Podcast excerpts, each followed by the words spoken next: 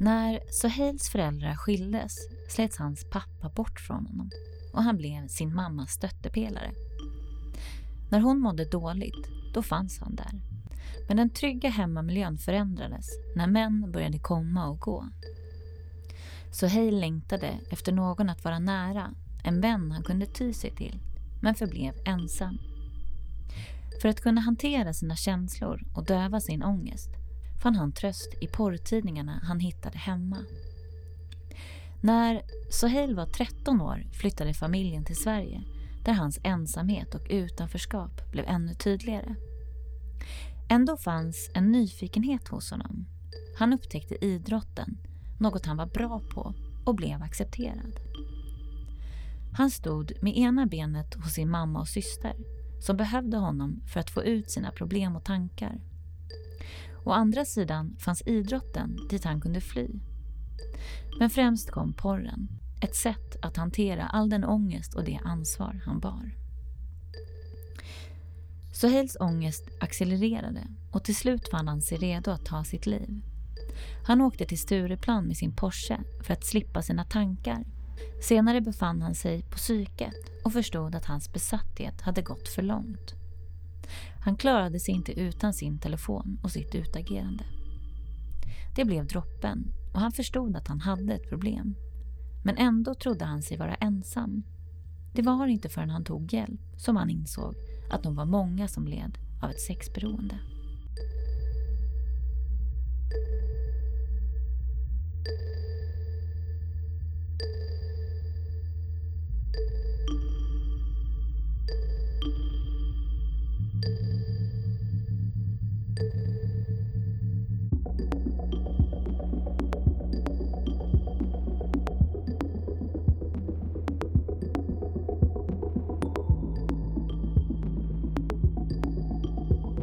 Välkommen till Medberoendepodden Suhail.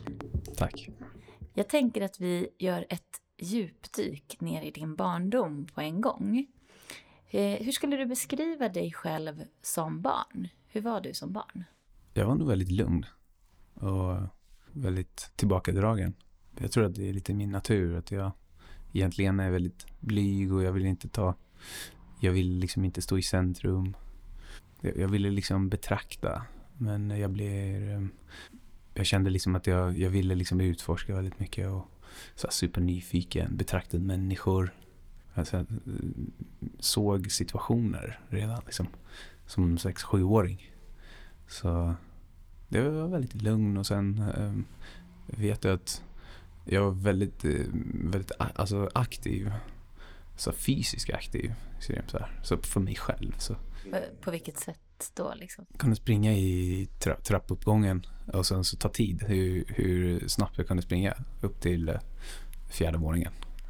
Så, så kunde det vara. Och sen så, så hur fort jag kunde komma upp liksom, från, från längst ner. Sådana saker. Och så hur snabbt jag kunde cykla och tävla alltid med andra. Så. Hur, var, hur såg din eh, familjesituation ut? Mina föräldrar, de, de var väl gifta tills jag var sex år gammal jag skulle fylla sex år. Så då, då minns jag någon incident. Att det blev lite tumult och sen minns jag väldigt tydligt att, att, eh, att de separerade. Och eh, ja, så, så de, eh, de separerade och min pappa liksom var, var borta helt plötsligt. Hade du några syskon eller har du några syskon? Ja, jag har en syster. Som är äldre eller yngre? Som är 13 månader äldre. Men hur, vad hände då liksom med den här familjesituationen då när dina föräldrar skildes? Liksom? Ja, det var, jag upplevde att det blev, jag, upp, jag kände mig mm, otrygg.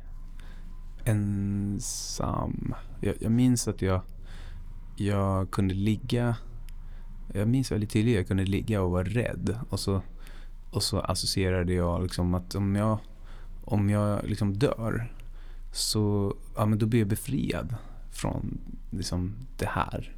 Så jag kände, jag tror jag kände någon sorts smärta. I, liksom, eh, jag kände att jag liksom var själv. Eh, och jag inser ju idag att det var en sorts övergivenhetskänsla. Liksom. Så, så, men men jag, jag, ville liksom inte leva på något sätt. Men vad hade du för relation till din pappa innan det att de skildes? Jag tycker jättemycket om min pappa. Alltså, han eh, gick med mig. Alltså, jag upplevde honom liksom att jag var trygg med honom.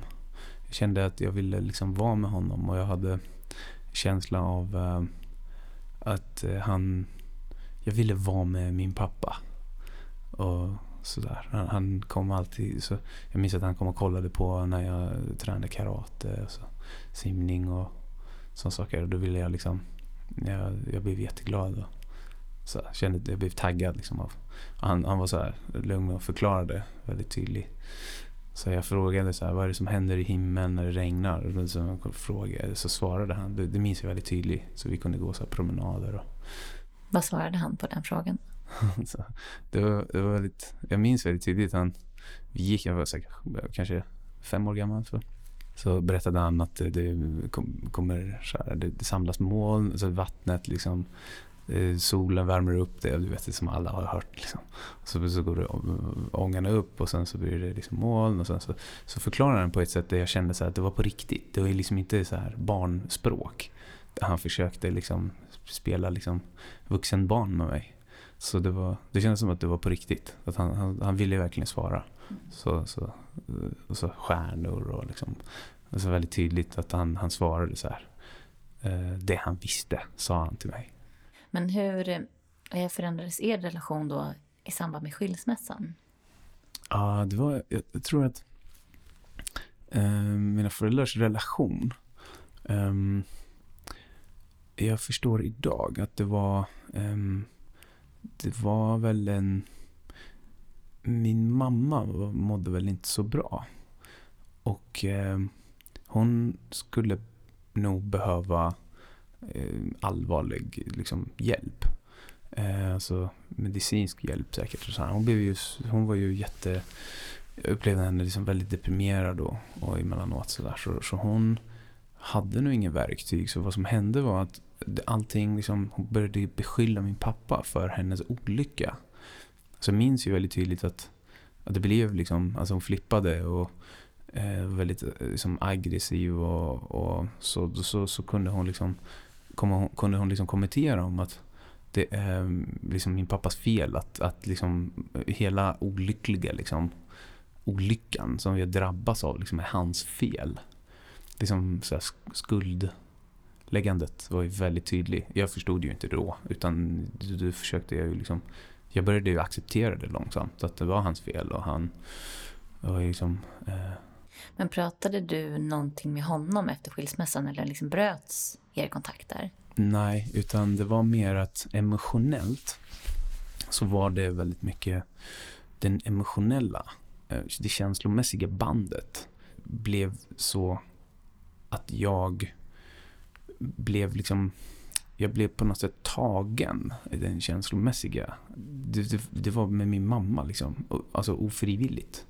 Så, att, så att jag ville liksom vara känslomässigt nära min pappa, vilket, vilket jag aldrig, aldrig fick. Mm. Eh, det var som att min mamma höll ett liksom hårt grepp om, om liksom den emotionella, känslomässiga liksom bandet. Och idag när jag tänker på det, då kanske min pappa inte var kapabel att gå in och bryta det eller liksom visste inte liksom hur man gör eller sådär. Så jag, jag kände att jag ville vara med min pappa, vilket, vilket jag läst lite grann, alltså nu när jag läst alla böcker om, om liksom son-mord-relationer, pappa-son-relation, att det vanliga, alltså det, det, det sunda är att man går in och bryter liksom det här känslomässiga bandet. Pappan liksom tar över det och så blir man liksom mer så här pappig. Och så kan man liksom ändå veta liksom att ah, men mamma står för känslor och hon är mer liksom känslig och orolig. Så här. Men att det är jag och min pappa som det är idag till exempel.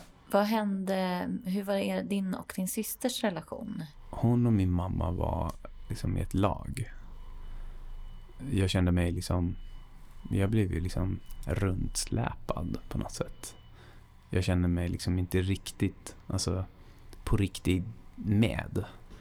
Och det var ju inte bara min upplevelse. Det, de visste ju kanske inte bättre i situationen. Jag tror inte att, jag tror inte att de tänkte på det överhuvudtaget själva. Liksom att nu ska vi göra så här. Utan det var ju så att jag upplevde, det var väldigt tydligt att det var de och, och jag och så, så blev jag någon sorts liksom, jag började liksom ja, bara lite för mig själv på något sätt och så kände jag så, men det, så, kan, så är det ju kanske. Så det fanns inga gränser, jag kunde inte liksom, jag, jag minns att jag försökte sätta gränser. Men det, det, det, det, jag, det fanns liksom, mina gränser liksom suddades ut, både från min mamma och min syster. Så, så blev det liksom, jag, jag upplevde att jag var så att maktlös inför, inför dem. Den här eh, skilsmässan då, då var du så pass ung. Liksom. Hur fortsatte det sen? Hur, du var kvar då med din eh, mamma och syster. Och ni levde ihop liksom, som en familj och din pappa ja. flyttade därifrån. Hur, eh, hur fortsatte liksom? Hur såg din uppväxt ut efter det? Det var ganska intressant för jag föddes ju i Teheran och jag bodde där tills jag var 13 år gammal. Liksom när man när man liksom helt plötsligt lyfts från liksom ett, en grund, grundkultur eller grundspråk eller liksom grund, och sätts i en annan så så händer det extremt mycket. Det kan, det kan ju hända allt möjligt beroende på liksom, hur man är som person själv och vad man har för natur och lite sådana saker. Men, men jag kan ju uppleva att jag var extremt liksom, glad och nyfiken och tyckte det var så här superspännande med liksom, nytt. Så att vi flyttade ju sen. Eh, min pappa bor ju kvar än idag. Han bor ju kvar fortfarande i Teheran. Och vi flyttade i, till, till Småland så helt plötsligt. Och anledningen till det egentligen var ju att mammas syskon bodde i Somalia efter revolutionen. Så vi tror Kanada och USA och sådär. Så då ville de, hon liksom också till sina syskon någon sorts medberoende till sina, liksom, som var ganska irrelevant egentligen då. Men det gjorde ju att jag helt plötsligt eh, var här. Och, och jag, jag, tror att det utvecklade mig extremt mycket som person. Alltså det präglade mig att jag liksom helt plötsligt fick komma till en helt annan, annan miljö. Liksom. Jag förstod ju liksom ingenting. Jag, redan då visste inte jag hur jag skulle liksom integrera med andra. Även när man liksom är i sin egen liksom hemmamiljö. Mm. Så... Mm. Men hur var det då med, jag antar att då hade du vänner ändå i Teheran som du lämnade liksom kvar där och flyttade med, med din lilla familj liksom, till något helt annat. Ja, just det. Exakt. Mm. Det, det, jag, jag var ju... Jag tror att när det gäller vänner och så kände jag mig också alltid utanför. För jag tänkte så här, det är ingen som vet egentligen hur jag har det. Jag, det, jag gick alltid med den känslan om att det är inte på riktigt. Jag hade liksom längtade så på något sätt efter att få prata ut med någon vän eller eh, liksom vara med någon som jag kunde vara så här nära som vän. Men som var det liksom klasskamrater och så, alltså i, i, på träningen och lite sånt. Och det kändes som att jag var, hade ju egentligen inga vänner på det sättet. Jag minns att jag hade några klasskamrater och sådär som jag i Sverige menar du? Eller i Teheran? I Teheran, mm. ja. Så jag gick ändå hela liksom, grundskolan. Mm. Och hur blev det då när du flyttade till Sverige? Liksom? Vad var det som hände och vad fick du gå igenom? Och hur blev det? Ja, alltså det, det var, jag var väldigt nyfiken och eh, jag minns att jag cyklade runt och tyckte det var häftigt liksom, med allt nytt. Jag var väl liksom, liksom runt och utforskade. Och eh, väldigt tidigt så upplevde jag att jag ville lära mig. Jag ville liksom inte... Jag ville, jag ville liksom inte vara den här duktiga i skolan. Eller jag ville liksom... Jag ville göra någonting annat än att bara vara i skolan. Så jag började liksom hålla mig till träningen. Alltså jag testade att spela tennis och fotboll och allt möjligt. Så hittade jag friidrotten. Och det var liksom min på något sätt så var det min trygghet. Alltså det var typ som min riktiga familj fast ändå inte. Så där kände jag att jag kunde få vara mig själv. Så när jag var där så var jag mig själv. Och kände liksom att Jag, jag kände mig trygg och hemma. Och när jag var i skolan kände jag mig lite trygg. Hemma kände jag mig lite trygg. Jag tror inte jag kände mig liksom hemma någonstans. Utan jag skaffade så här vänner och jag kunde liksom utagera min, min liksom sociala kompetens eller glädje eller så. För, för hemma var det väldigt mycket Ja, min mamma mådde ju inte så bra. Och det var väldigt tumult även här. Hon träffade någon kille och det blev extremt destruktivt. Och så vart det tumult och jag skulle vara någon sorts eh, skydd, beskydd. Jag användes ju alltid som snuttefilt och skulle stötta och finnas där. Eh, så jag förstår att min medberoende kommer ifrån. Mm. Så, så jag var ju liksom medberoende till både min syster och min mamma. Men på vilket sätt skulle du säga att du fick vara det här skyddet då, som du beskrev för din mamma? Det var nämligen så att alltid så pratade min mamma ut. Hon pratade liksom, hon spydde sin känslomässiga desperation över på mig. Och min, min syster gjorde liksom i stort sett samma sak. Och hon var i sin tur medberoende till mig. För att hon såg ju hur jag led liksom i det. Men hon kunde ju liksom inte hon kunde ju... Hon var ju så, så maktlös kan jag uppleva men det kändes som att jag liksom fick ta skit av dem hela tiden. Det var liksom... Och då ville jag bara fly. Så för mig blev ju... Idrotten var ju liksom en tydlig flykt. Mm. Från det som jag upplevde hemma. Men när du säger flykt också, jag tänker vad hände liksom med dina känslor då när de inte fick plats? Även om du då kunde på något sätt vila låter det som i friidrotten och sådär. Men vad gjorde du av dina känslor och det som du inte riktigt fick, fick prata med någon om och som du bar för dig själv? Ja, nej, jag vände inåt. Mm. Jag vände inåt och eh, jag vände det väldigt mycket. Jag visste inte överhuvudtaget, jag hade ingen att prata med. Det fanns ingen. Jag upplever ju, när man tittar på det ur ett så här betraktar situationen så känns det som att jag känner ju att det inte riktigt är jag. Utan jag ser ju en, som om jag tittar på liksom en historia ur en bok. Så kan jag betrakta det och se att amen, det är ju en superensam, övergiven kille som eh, har ingen att prata med. Som måste liksom bara hitta någonting att hålla i för att överleva. Och det är ju det är ju, jag kunde liksom ventilera min känslomässiga behov egentligen ingenstans. Så det kommer ju bli senare. Senare så blev det ju också att jag visste visste inte hur man ens... Alltså jag kunde inte, jag kunde inte känslor. Jag visste inte vad det var. Alltså, hur, hur upplever jag? Vad är det jag upplever? Jag, jag hade liksom aldrig blivit sedd i det. Så då... Ehm, ja, det var ju då vi liksom började. Jag började mitt började liksom utveckla det här att liksom ångestdämpandet och, och liksom den här emotionella liksom inåtvändandet. Hur, när kan du se, för du pratar nu sa du ju liksom att idrotten blev lite som en flykt. Mm. Eh, på vilket sätt skulle du säga att det blev en flykt? Att jag ville liksom, jag längtade ju dit hela tiden. Mm. Eh, och så kände jag att jag blev sedd där jag, jag blev ju sedd och där var jag... Jag kunde liksom...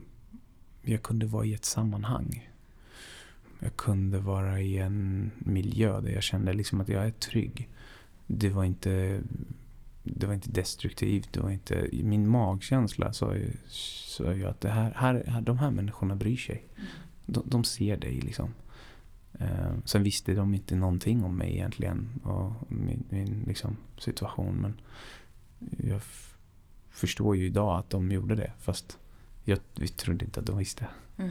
Så de såg väl liksom också att det var jag, min, min friidrottstränare var även min bildlärare i skolan. Men då, hon slängde ju ut mig från klassen för att jag mm. liksom jag var ju liksom inte jag var inte med i matchen liksom. Jag var ganska så här okoncentrerad och eh, jag var ganska arg liksom. Kunde liksom, kände liksom ilska. Så hon sa det, du, du kan inte liksom göra som du vill eller du kan inte liksom. Det var på mitt sätt en rebellisk liksom, beteende som egentligen jag skulle ha gjort hemma som jag inte blev sedd i. Så utagerade det där och sen så sa hon att nej men nu men, eh, så, så tänkte jag så här att hon är tränare där och så ville jag träna för idrott så var jag rädd för att hon skulle vara där men jag gick ju dit ändå. Mm. Och så blev det ju att hon blev ju hon kändes som den mamman jag inte hade. Mm. Så då var jag där och tränade och det hon sa till mig, det gjorde jag. Men blev det också att du kände att du, alltså att du blev bekräftad för att du kunde också prestera där? Alltså att du kunde göra någonting där, att du var duktig gentemot då till exempel andra klasser i skolan och sådär? Definitivt. Mm.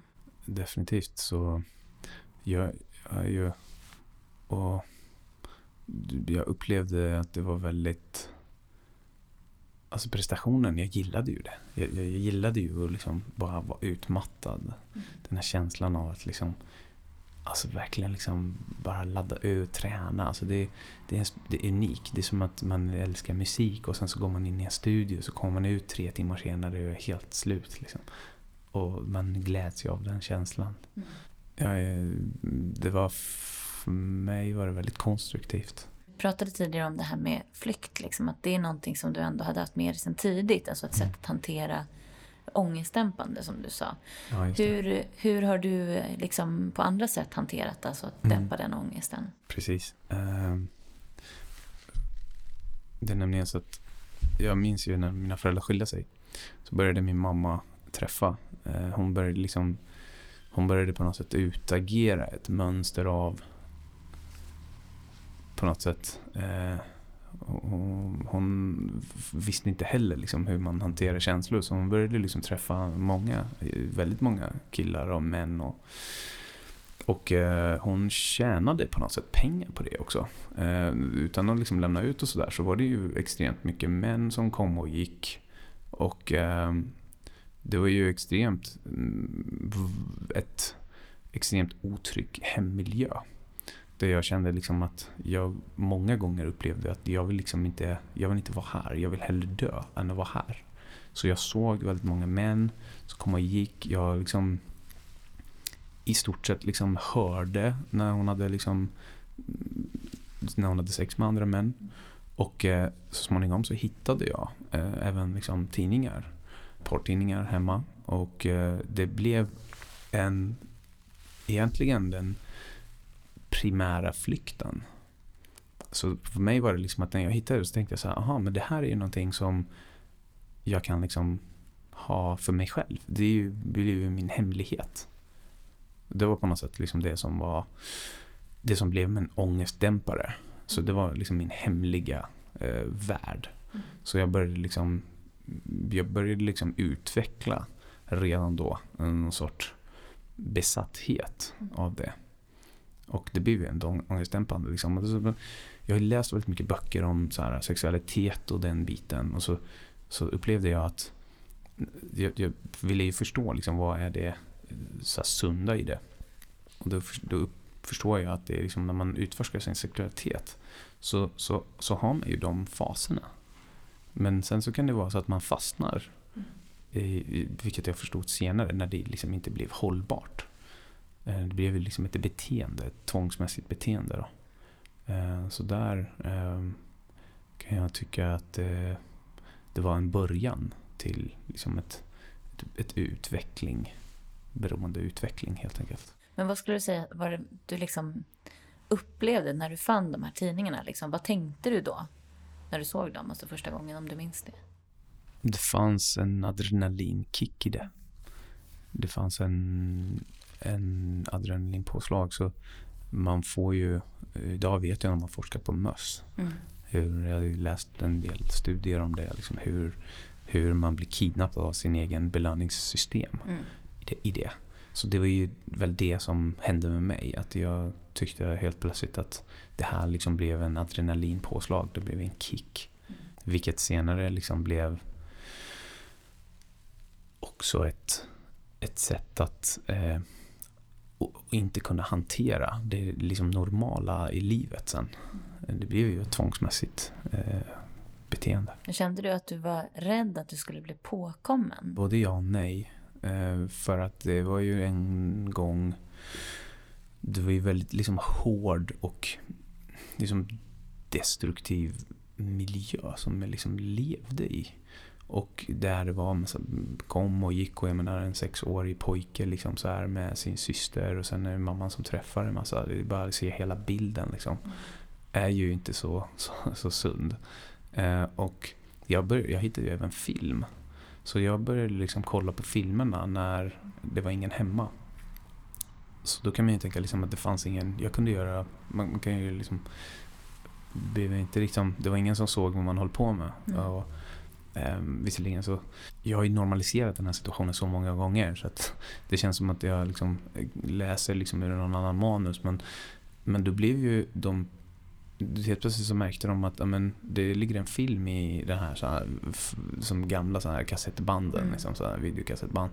Och då, då var det så här, inget, ingen reaktion på det. Nej. Det liksom kunde... Det var ju som att jag upplever ju idag att om en, om en alkoholist eller om en, en person som är beroende av sin drog, allt annat kan liksom bli helt så här eh, en raseri eller ett utbrott liksom, eller en utagerande i sin liksom, body pain eller den här liksom, smärtan.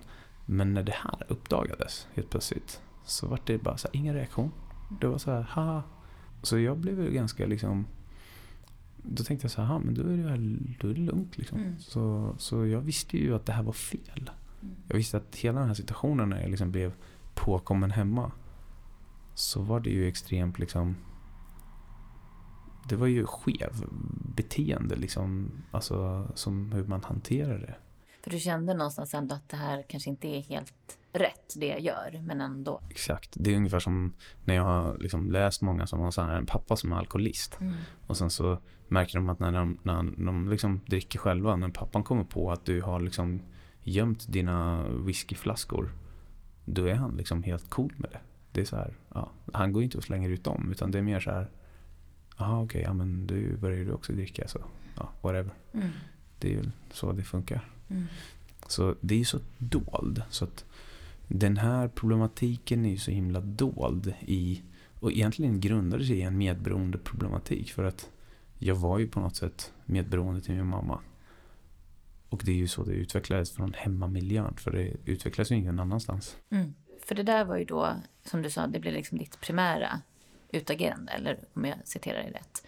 Men den här friidrotten, eller att, att idrotta var ju också som en slags, liksom där du fick dämpa din ångest eller vara fri från det. Hittar du andra, var det här en liksom livsstil, att du sökte nya sätt att fly ifrån det? Eller hade du din liksom, primärdrog som du, som du höll dig till, så att säga? Jag kommer ihåg i skolan att det var väldigt eh, jag, jag, kunde liksom komma från träningen till skolan och sen var det eh, att eh, eftersom, eftersom jag var liksom mång, dubbelkulturell eller liksom att jag hade en jag, jag, passade ju in lite överallt. Och då blev det ju att helt plötsligt så hade jag eh, bekanta eller kompisar, så i situationstänker, det var ju inga liksom, riktiga vänner, men jag, jag kunde ju hänga med liksom, alltså killar som senare kom att utveckla grova kriminella. Liksom. Mm. Eh, och då hängde vi och sen så kände jag så här, det här är ju helt fel. Jag, jag liksom tyckte aldrig det var coolt. Men det gav också en, liksom, någon sorts adrenalin att hänga med. Och då blev det ju en, en synergieffekt av, av att liksom vara i den kretsen. Mm. Fast utåt kanske se ut som att men det här är liksom en skötsam kille. Som jag, jag också uppfattades extremt smart av de här killarna. Som jag kände att Eh, det blev också någon sorts såhär, eh, mm, där man liksom söker sig till olika tillhörigheter eller grupperingar. Jag kände igen mig i dem, för de, hade också, de var också alla övergivna killar. Och var, hade liksom extremt svårt hemma. Och, och, jag förstår ju idag att det var verkligen liksom, alla ropade på hjälp. Och de gick ju igenom sin resa. Jag gick ju i samma parallellklass som självmordsbombaren Drottninggatan. Jag var ju superrädd för honom. Och vet inte hur många gånger jag blev erbjuden av honom att börja sälja ecstasy var vi inne då. Så Så de tyckte jag var liksom en, de, de tyckte jag var lite töntig och en eh, lite så här. Jag var lite svennebanan liksom sådär som sprang till träningen och tränade friidrott och var med i typ eh, tidningen och skulle på något sätt, alltså så skulle jag hänga med dem och sälja ecstasy istället för det. Och jag kände ju att jag drogs aldrig dit. Jag har liksom aldrig, jag var ju i den, de kretsarna men jag har liksom aldrig dragits till att ta droger själv. Eller det var ju väldigt tydligt att de hamnade, det började bli ett tydligt mönster i det. Så för mig var det så att jag hittade ju det andra. Jag satt ju och liksom utagerade i någon sorts här, eh, porr och började liksom utforska det. Mm. Men jag fanns ju i de andra kretsarna också. Eh, vilket jag inser idag att när jag liksom tittar på det så är det så att alla killar utforskar ju det i sin sexualitet. Och även tjejer. Fast för mig var det liksom, jag hade ju, jag kanske borde ha haft min pappa att prata med. Vilket eh, kom senare i livet och utveckla en relation med. Och så. Det som ofta händer, som du sa, att det är liksom att det blir en, en mental besatthet. Att du fortsatte trots att det liksom inte kändes riktigt bra. Kan du beskriva hur du kände när du på något sätt, alltså när du när du utagerade och vad var det för känslor du kände efteråt? Ja, bra. bra. Det, det uppstår ju, precis som alla andra eh, substanser, så blir det ju en... Det blir ju att man känner ju liksom att det blir ju tomt och man känner ju att det här är... Jag vill liksom, jag vill inte göra det här. Det här känns lite som lite... Och sen får man ångest och sen gör man det igen. Mm. Så får man ångest och så gör man det igen. Och sen så blir det liksom en... Man, man blir ju liksom lite grann kidnappad då. Eller inte lite grann, så är det ju. Man blir ju kidnappad av sin belöningssystem. Och det är ju väldigt i den åldern är ju man utsöndrar väldigt mycket liksom, testosteron och väldigt mycket sådär. Så jag kunde liksom betrakta andra killar. Så, så alla andra så här började också prata om, det här är ju också väldigt vanligt att alla pratar om så här, ah, men jag har varit med den här tjejen och det där och liksom i skolan så ska jag liksom ha flickvänner och så. Och då började jag ju liksom utveckla den här liksom förförelseerövringen. Liksom att, att liksom, ja men ska man kunna bli ihop med henne eller ska, hur ska jag göra då? Så blir jag liksom eh, blir, ja, men, blir kär i någon annan och sådana saker. Så det var ju superfint. Och sen när man tittar på det så är det ju jättefint att man liksom börjar utforska sin sexualitet och bli kär i någon annan och så. Men i, i, den, i den situationen, som på puberteten, så är det ju extremt mycket. Så allting är ju bara så här rörigt. Och så blir man ju besatt. Så jag tror att det fanns liksom någon sorts besatthet av, av liksom ett utagerande mönster i det. Men jag var ju också så superblyg och kunde liksom, visste inte hur jag skulle prata men som alla andra, så superosäker och allt möjligt så här, och blyg och allt. Men sen började jag maskera det så småningom. Helt tvärtom. Att jag liksom bara slängde på ett skal av att jag var så supersäker och ja men den här liksom som kanske för mig själv trodde var den coola killen fast för några andra kanske så bara, gud vilken jobbig snubbe liksom. Hur upplevde du då? Vad upplevde du när du, alltså jag tänker att du går in i den här rollen då liksom. Vad, vad var det du fick av den rollen som du inte fick av den andra delen av dig så att säga? Det blev också någon sorts fasad och skydd för att jag kommer ihåg en gång vår kurator, det hände någon incident i skolan så drog han, pratade med mig så här och frågade hur är det med dig? Det är jättebra. Det var, liksom, det var jättebra. Jag ville inte prata om... Jag, skulle jag prata liksom? Jag hade ju lärt mig att aldrig prata liksom. Någonting. Så det blev på något sätt en... Man blir ju, börjar ju utveckla en... En... Man kanske utforska sin personlighet också men det kändes som att man jag ville hela tiden vara någon annan än vem jag är egentligen. Alltså vara någon annan. Alltså jag ville inte vara... Jag ville inte vara, vem, vara mig själv. Det kändes som att jag hade någon sorts självhat. Så jag ville inte vara den jag är.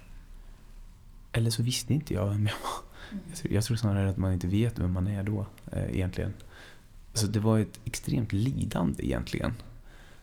Alltså många gånger tänkte jag också så här, men det var ju liksom, det var ett så konstant lidande. Men ändå så gick man ju igenom det. Vad var det du fick då? Alltså upplevde du att du fick den här bekräftelsen som du ville ha? Eller fick du de här tjejerna som du ville vara? Eller varför tror du att du höll kvar vid den rollen? Ibland, ja. Och många gånger så... Eh, ja, jag började ju liksom inte bry mig om att få ett nej liksom, eller sådär. Så då var det bara att köra på. Vilket var... Vilket också kan man se som ett mod. Alltså jag var ju... Jag kan ju uppleva mig själv extremt fortfarande nu kanske jag har den egenskapen att jag... Det krävs ju väldigt mycket mod. Men sen så tänkte jag så här, om de får veta vem jag är egentligen så kommer de inte... Alltså de, de, de kommer ju hata mig. Liksom. De vet ju egentligen inte vem jag är. Så den känslan gick jag och liksom döljde om att om jag vågar vara sårbar eller om jag liksom vågar vara liten och, och men jag visste inte allt sånt här med maktlöshet och så. Det kändes som att om de får se vem som är, jag är egentligen så kommer de hata mig. För mm. jag hatade ju mig själv. Alltså, det blir ju så att man utvecklar ju det. Beroende är en progressiv sjukdom, alltså det blir värre med tiden. Hur utvecklade sig ditt beroende? Alltså från där när du liksom, som du pratade om, där eh, när du på något sätt började då ändå förstå att du kunde gå ut och träffa erövra tjejer som du pratade om. Liksom. Hur, ja. hur såg din beroenderesa ut? Ja, det är verkligen den här progressiva utvecklingen. När jag tittar på det nu i efterhand. Jag är ju 36 idag. Och när jag var 28 så, så då var det verkligen för mig att då tänkte jag, jag det är lika bra att jag tar livet av mig för det, det, jag vill inte leva det här. Jag tror att det handlade inte bara om beroendeproblematiken. Det handlade mest i grund och botten om lidandet. För jag tror att oavsett hur den liksom familjesituationen har varit, just den här progressiva utvecklingen. Jag, jag, jag kan ju acceptera idag att det finns ingen, vad jag vet, som har haft en perfekt uppväxt jag ser verkligen upp till dem som har haft en trygg uppväxt. Och jag, jag, jag beundrar verkligen så här, det här trygga, liksom, att man har bott i ett hus vid havet, vid sjön liksom, och plockat svamp. Och man har liksom, jag har ju aldrig upplevt det, jag har aldrig haft det, jag vet ingenting om det. Men de flesta som jag liksom, kan uppleva det som, har, har ju liksom, det, hela det här lidandet blir ju en progression. Du lider och lider och hela lidandet gör ju att du till slut kommer till en punkt där vändningen kommer. Och den här progressionen, det blev ju att jag fick väldigt mycket gensvar. Och jag... Hur då skulle du säga? Jag fick Jag flyttade till Sundsvall, började träna friidrott där på liksom elitnivå. Jag blev liksom antagen, tränade med landslagstränare och sådär. Och sen Mm, hela det... Det blev ju en förförelsemani. Allting gick ut på att liksom... Ja, men det var väldigt mycket liksom bli ihop med någon och skaffa den här tjejen eller bli ihop med den andra. Det fanns liksom inga... Jag fick ju ett gensvar på det. Alltså jag blev ju lite populär. Jag kunde liksom... Jag kände ju makt liksom i det. Lite grann. Och sen blev det ju du, du utvecklar en, en jargong som utåt kanske ser ut som att ja, vilken, vilken skön snubbe. Liksom. Han är, och det var ju verkligen vem jag var. Men i min hemlighet så hade jag liksom andra intentioner. För att jag kände ju liksom att... Jag, det, det märker jag idag när jag ser folk som är så här hänsynslösa. tänker jag så här, gud måste må så himla dåligt. Så jag, jag kan ju idag bara liksom stå på andra sidan och tycka så här. Jag, men, jag blir inte sårad eller så. Jag tycker så, gud vad fruktansvärt. Du måste, måste må så himla dåligt i sin ensamhet att bete sig på det sättet. Men utåt är de så här superstarka och hänsynslöst och de bara kör hela den biten liksom. Och man ser ingen sårbarhet, man ser ingenting. Och så kan det vara. Man kan gå med det till ett liv och känna liksom att men man, man lever med det i sin omedvetenhet. Så den progressionen, progressiva utvecklingen är ju genomgående för alla. Alltså alla som kommer till någon sorts punkt, till någon sorts tillfrisknande, så har de lidit extremt mycket. Annars skulle de inte liksom, jag skulle inte suttit här och kunna liksom betrakta det och prata om det och inte skämmas och tycka skuld och skam till liksom min barndom och mina liksom familjeförhållanden. Och så. Hela den skammen också. Det är väldigt mycket det som egentligen, egentligen ger, eh, ger energi till, till att liksom fortsätta den här fasaden. Du skäms. Du skäms och liksom exponerar, skäms liksom över vem du är. Skulden över liksom att om de fick reda på vem jag egentligen är och vad jag har gjort då kommer de döda mig. Liksom. Eller de kommer typ hata mig. Eller, egentligen är det ju också självhat. Om man tittar då på den här liksom progressiva sjukdomen. Hur skulle du beskriva att ditt liv såg ut när liksom ditt beroende var som värst kan man säga? Alltså utåt såg det ut som att jag pluggade på Mitthögskolan, systemvetenskapliga programmet. Jättebra, jag är elitidrottare jättebra. Men sen hängde vi ute, mina kompisar. Jag drack ingenting. Jag drack aldrig någonting. Inga droger, ingenting. Men allting gick ut på att mm, bara komma hem, kanske med någon tjej. Om inte jag gjorde det kunde jag liksom självömka i pornografi och tycka liksom att ah, men det är klart att jag ska göra det här. Liksom. Och Det fanns också en... Man skadar ju människor runt omkring sig också i det. Vilket jag inte liksom fattade. Men jag har alltid varit genuin. Jag tror att jag liksom aldrig har sårat någon och skadat personer. Däremot så har jag skadat mig själv. Det är ju liksom ett självskadebeteende. Alltså, i det hela så blir det ju att när, när du liksom snor pengar i kassan där du jobbar.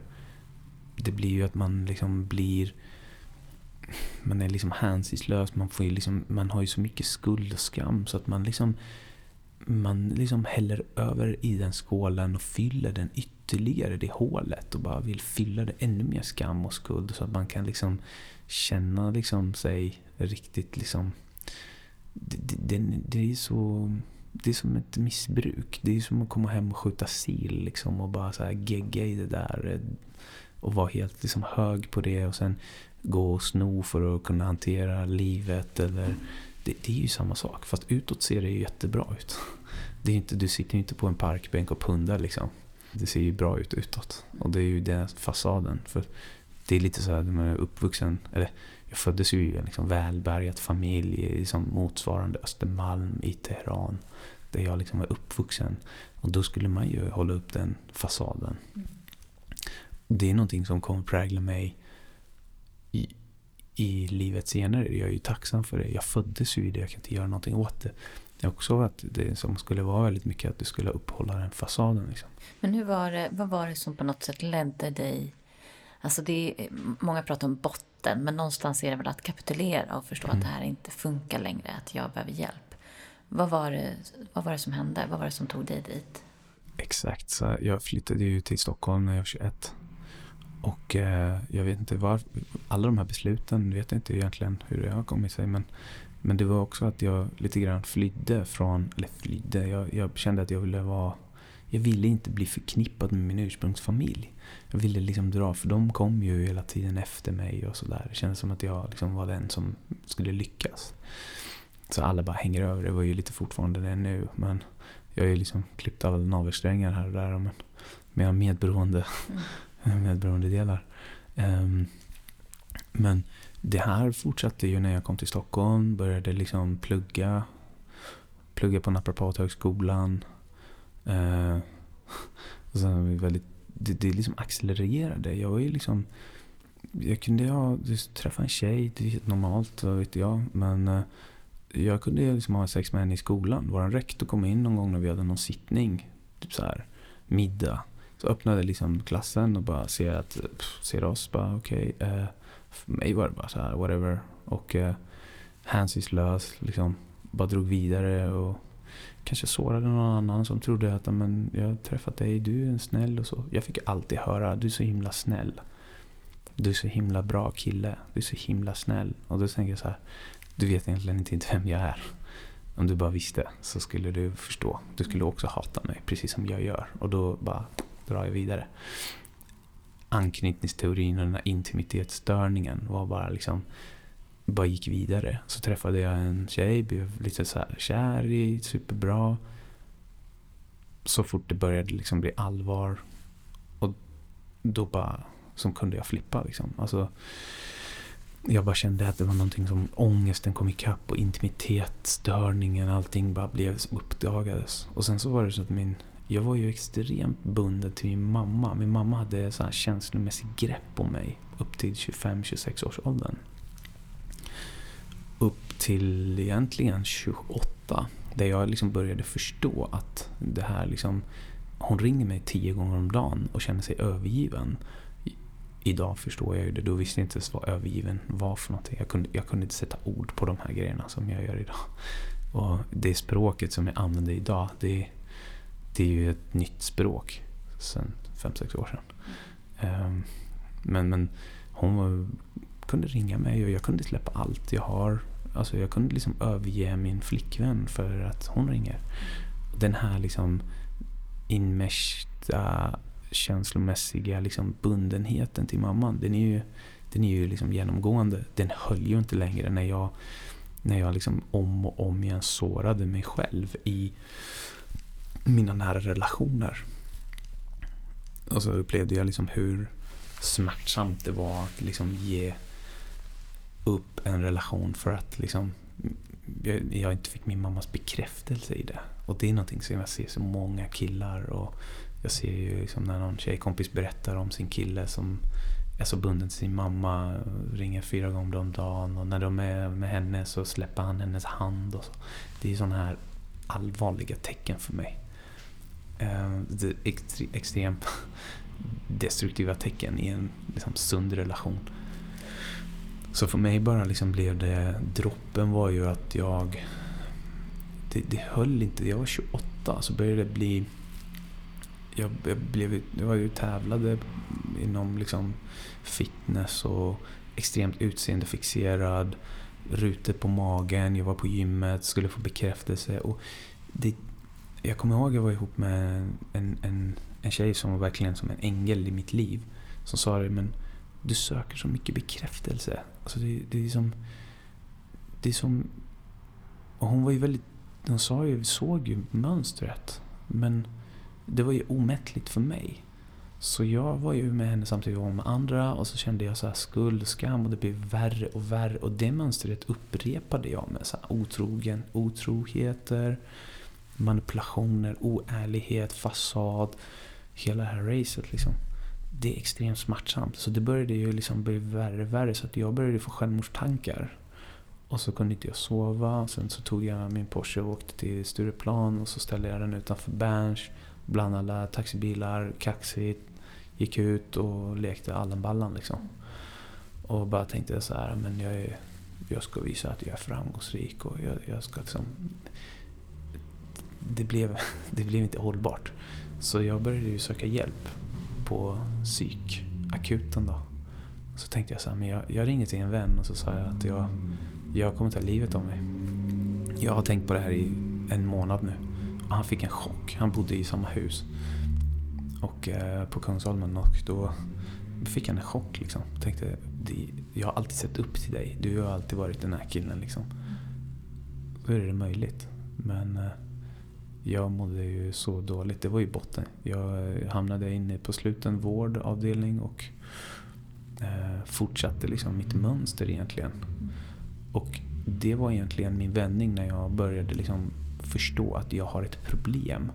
Jag upplevde att jag har, jag har ett problem som ingen ser jag började komma liksom till den insikten liksom mer och mer själv. Alltså, det är det som kanske många upp, kallar för liksom, nå botten eller någon sorts spirituell uppvaknande eller man liksom blir någon, man blir liksom enlightenment eller man, man ja, så det, det är där jag befann mig. Och vad gjorde du då? Vad var det som någonstans fungerar för dig ändå till slut? Jag sökte hjälp. Jag tänkte jag behöver hjälp. Jag, jag klarar inte det här själv. Och jag eh, klarar inte det här på egen hand. Och någonstans så, eh, alla människor har olika, liksom, det finns en det finns en natur i alla människor. Vissa har en natur av att agera på ett sätt. Det är ju universums lag. För mig var det väldigt mycket att jag ville liksom, jag, jag såg kraften i att söka hjälp. Jag visste, jag har ju ändå fem år medicinsk utbildning. Och tänkte så här, jag har läst medicinsk psykologi, man så kan vara deprimerad och sådana saker. Och så tänkte jag så här, men jag har ju alla symptomen. Liksom. Jag har ju allt, allt som uppfyller. Liksom. Och eh, sen var det bara, bara att söka hjälp. Primärvården kanske inte riktigt är... Eh, idag är det annorlunda. För 6-7 år sedan så fanns inte den typen av... Idag kallas det för eh, ja, någon relationsprogrammet eller terapi på primärvården. Man har utvecklat det. Då. Mm. Eh, men sen så sökte jag en privat klinik och sen så kom jag dit och liksom, då sa de första de gjorde, ah, okej, okay, du kan komma i grupp nästa tisdag. Och eh, det var ju verkligen vändningen för mig. Vad var det som du, liksom, som du upptäckte där? För jag tänker att, som du sa, att du kanske söker hjälp för okej, okay, nu har jag självmordstankar, jag mår dåligt. Mm. När kopplar du någonstans att det här liksom, att det kanske var ett beroende, ett sexberoende som låg där bakom? När, när föll den som sluten, polletten ner? Ja, just det. Som sluten vård. Mm. Så när du är inom psykiatrin, i sluten liksom, vård, där du, du har ju liksom ingen... Det enda som... Du är så djupt deprimerad så att du är självmordsbenägen. Och eh, du behöver liksom hjälp att liksom klara dig genom bara, bara sova och vakna och äta. Så grundläggande. Och det är som, du får inte ha några telefoner, ingen som besöker dig. Du får ju, liksom, du får ju själv ge tillstånd om dina anhöriga vill besöka dig. Så här. Men för mig var det ju bara, jag, eh, jag sa till receptionen att jag behövde liksom min telefon för att fixa jobb och mail. Och så satt jag och liksom ångestdämpade med det. Och uh, kände att det, det här det är ett problem. Alltså jag, liksom, jag klarar inte det här. Uh, och jag sa det. Så tänkte jag så här, men eh, tar du några substanser? Liksom, har du missbrukat steroider eller tabletter? Eller tar du droger? Alkohol? Nej, inget sånt. Och så vart det liksom inget kvar. Så att jag sa ju, eller tror jag någon gång så sa jag att jag tror att jag har ett problem. Det här är ett problem för mig. Då var det så här, okej. Okay. det var ju liksom ingen som reagerade på det. Jag kanske inte var så tydlig heller. Jag ska nu inte bara skylla heller på att primärvården inte vet så mycket. Men idag är det ju annorlunda. Man eh, betraktar ju det lite annorlunda. Men sen så började jag ju, kom jag ut och så började jag liksom känna att men jag har fortfarande ett problem med det här. Så jag behöver ju liksom hjälp med det här med relationer. Det här liksom. Och så tänkte jag så att jag är ensammast i hela världen. Det är ingen som har det här problemet. Jag liksom det är bara jag. Och den här självcentreringen i det. Att, att det är jag som har problem, ingen annan. Eh, Uh, alltså självcentrering är att liksom, jag tror inte att någon annan har det här. Så om någon får reda på att jag har det här problemet, liksom, då kommer ingen kunna hjälpa mig. Så jag kollade en klinik och tänkte så här, men gud, det här känns det ju liksom så här, alltså, de har koll. Så när jag kommer dit, då säger ju den här killen att ja men du har ett beroende liksom. Så du har utvecklat ett beroende. Så nu är det bara att sätta här fram nästa vecka i en grupp. Så när jag kommer dit och ser andra människor så tänkte jag så här, men gud de har ju samma problem. Liksom. Så det, på mig blev det ju väldigt, väldigt så här, det var ju som ett nytt, det var som att bli uppfostrad, uppfostra, mm, alltså jag lärde mig själv att vara mig själv, att jag duger som jag är. Alltså att jag är bra tycker som jag är och jag behöver liksom inte prestera för att visa för andra att jag duger eller sådana saker. Alltså, så det var ju, jag kan ju bara glädjas åt, liksom när jag tänker på det, så att hur, hur mitt liv började liksom vända. Och det, det tog ju tid. Jag liksom jobbade med mig själv, jag började skriva. Liksom, och det, det tog ju tre, fyra, fem år. Sånt tar tid. Mm. Och jag har ju liksom ytterligare liksom misstag jag inte vetat. Så fråga folk liksom. Och jag, jag, liksom, idag kan jag ju vara mig själv och säga så här, men jag vet inte det här, jag kan inte det här. Mm. Jag är rädd, jag känner mig övergiven, jag är ensam. Eller, men man vet ju inte att det är så. Det är bara liksom, Mm. att utveckla den förmågan att kunna liksom, göra det som är kanske normalt för alla andra. Men hur har din tillfrisknande resa sett ut då, om du skulle beskriva den i lite kortare drag? Så Jag gick ju två år i terapi, uh, gruppterapi och sen, sen så har jag på egen hand jag har ju ett nätverk av liksom vänner som, eh, som förstår problematiken, som har varit där själva. Och ge- genom att hjälpa andra. Och det är ingenting, jag, jag, ett tag så tänkte jag att jag ska jobba med det här men det var inte riktigt min grej. Och då, då känner jag liksom att genom bara att vara och vara ärlig, vara vem jag är så har jag ju hjälpt extremt många människor. Det har ju varit en del i min, i min liksom process. Och sen kan jag ju tycka att när man säger så här med tillfrisknande process. Jag tror även på det här liksom att man, det, det blir ju en medvetenhet, en, ett uppvaknande i att, att man kan liksom, jag kan sitta och titta på ett träd och tycka att det är så här, det är fint och det är schysst liksom.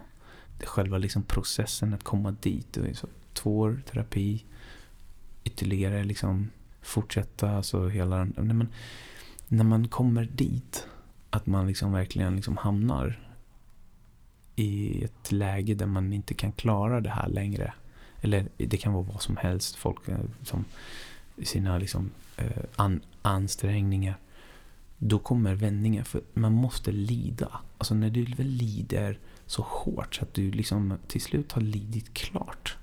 Då är man liksom, då vänder det. Så då måste man komma till den punkten. För mig var det bara liksom, när jag tittar tillbaka på det så känner jag att jag har lidit sedan jag var typ två år gammal. Då led jag liksom genom hela, liksom, tills jag var 28, 29. Mm. Och sen så tog jag till lite olika så här, trådar för att överleva.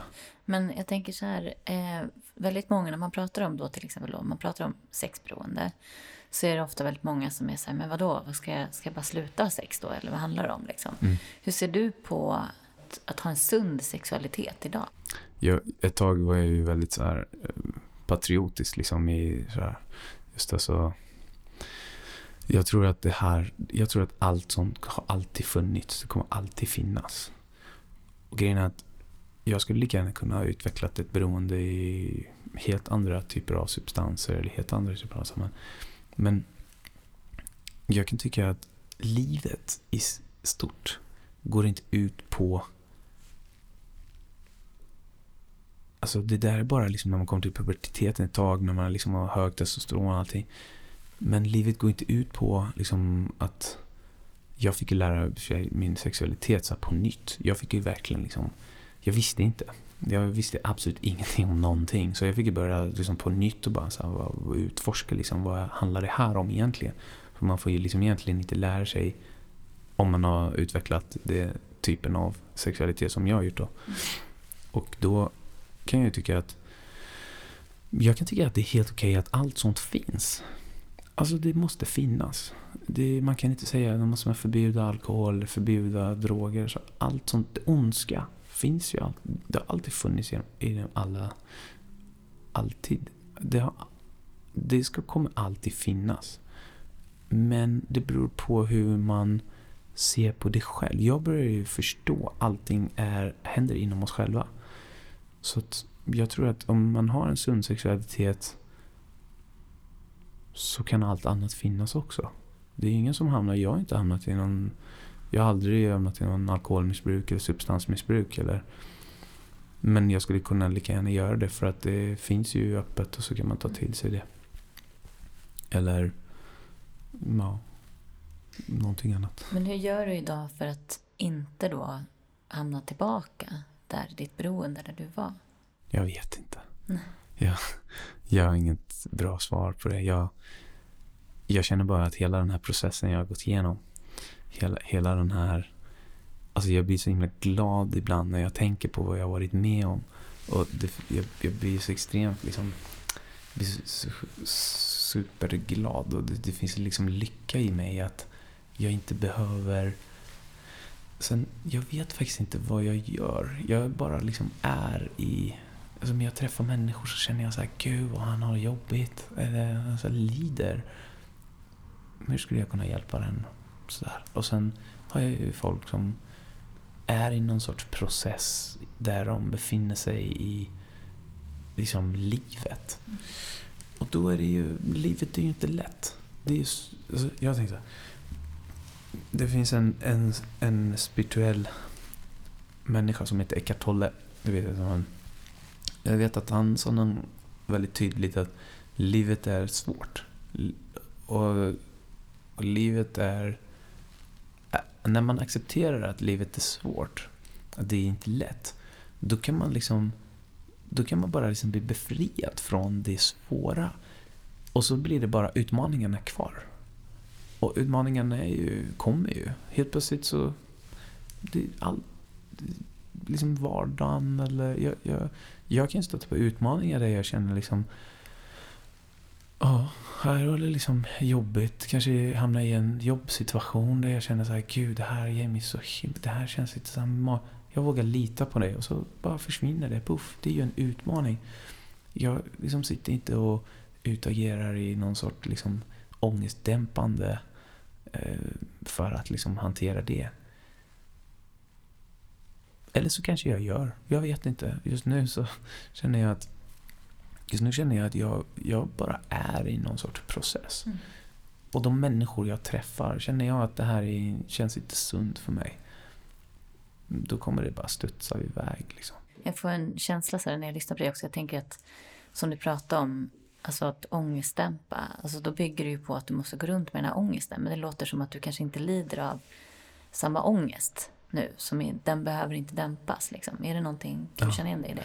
Alltså det är att idag, alltså jag har liksom inga sådana, det, det är så ganska konstigt att jag känner inget sånt. Det är bara så här, det, det är bara så här puff, det är borta. Alltså jag känner liksom jag känner ingen så här... Eh, jag kan bara liksom... Jag kan helt plötsligt jag kan komma i kontakt med människor där jag så här... Det är så, jag känner deras lidande. Jag kan känna deras ångest. Jag kan liksom verkligen... Jag kan se igenom dem och bara så här...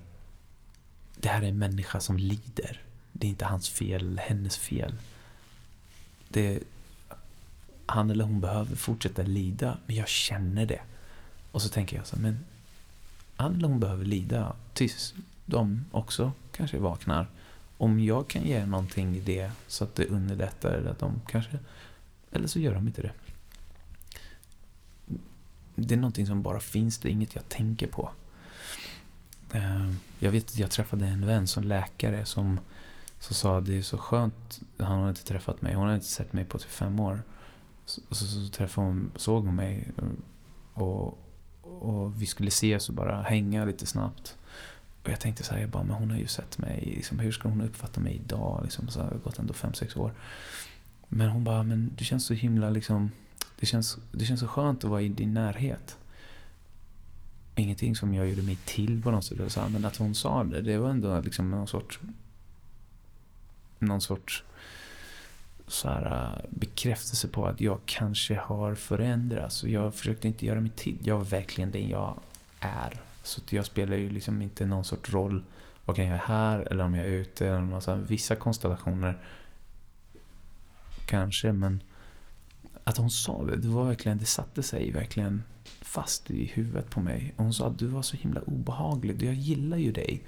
Men fan, du var så himla, du var så himla jobbig. Du kom fram och tog tag i min midja och bara, du har lite, vad fan är det här? Går du ruta på magen.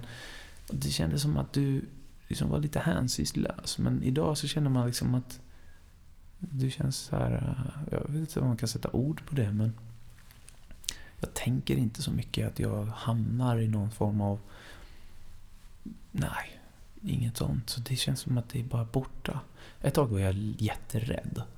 jag, jag var jätterädd för att jag skulle liksom hamna tillbaka i destruktiva mönster eller att jag skulle liksom göra något dumt eller något sånt där. Men det är bara bortblåst alltså. Men om man tittar på din resa då, som du faktiskt har gjort. Om det är någon som känner igen sig i det här, jag tänker framförallt då det här med ditt sexberoende och den resan du har gjort. Om det är någon som känner igen sig och själv funderar på att ta hjälp, vad ska man göra? Vad har du för tips? Så blir ju så här, jag vill inte propagera så här, göra reklam och så, men, men det är ju väldigt tydligt att alltså det är som, det, jag vet inte, kanske att det hjälper dem att jag har liksom, um, alltså kanske det, det du gör till exempel, de kanske hittar det och bara lyssnar och känner igen sig. Mm, och tänker att ja, men det kanske finns hjälp för mig också. Grejen är att om man sitter och lyssnar på det här, då har man... Det finns en anledning till att man sitter och lyssnar på en sån podd. Det är inte en slump. Man tycker inte att det, man skulle kunna sitta och lyssna på en kampsportpodd istället, som jag också brukar göra. Men, mm. men man gör inte det om man inte har kommit dit, att man känner att är det någonting som intresserar mig? Och då kanske man har någonting som man är nyfiken på och att man kanske är på väg i, i någon sorts uppvaknande i det. Att bli medveten om att ah, jag kanske inte, allting är kanske inte helt så här perfekt som jag tror. Eller att mitt dåliga mående kanske inte bara beror på att jag inte har mer pengar eller att jag inte lyckats som alla andra. Det kanske beror på någonting annat. Om man, om man själv aktivt sitter och lyssnar på det här, då har man kommit så långt så att man kan liksom gå vidare med det. Och jag tror att alla vet idag, eh, som, som är 20, 30, 40-taggare, det är inte så svårt. Det är bara att, det är bara att googla fram. Det finns både primärvården och psykiatrin och sen är det privata. Liksom. men lita på din magkänsla. Så jag, jag vet inte hur många terapeuter jag träffade som jag kanske inte själv var redo att ta den hjälpen. Men att de hade ingen aning om vad det är liksom jag kanske dras med eller pratar om eller så. Och då kände jag i min magkänsla, så upplevde jag att den här personen har inte riktigt koll.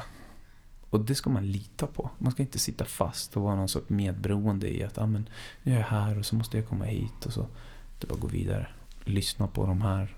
Det som du gör är ju fantastiskt. Eh, jag är verkligen liksom tacksam för att vara en del av det du gör.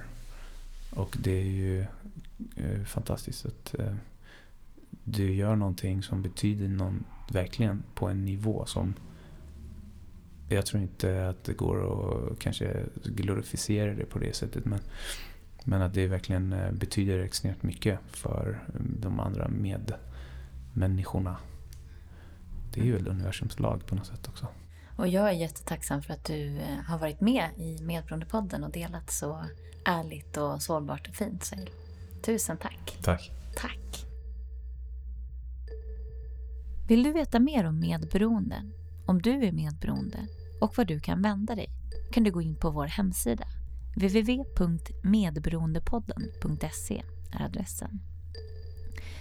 Du får hemskt gärna gå in och betygsätta oss via iTunes. Då gör du det möjligt för andra att hitta till Medberoendepodden. I sociala medier följer du oss under namnet Medberoendepodden.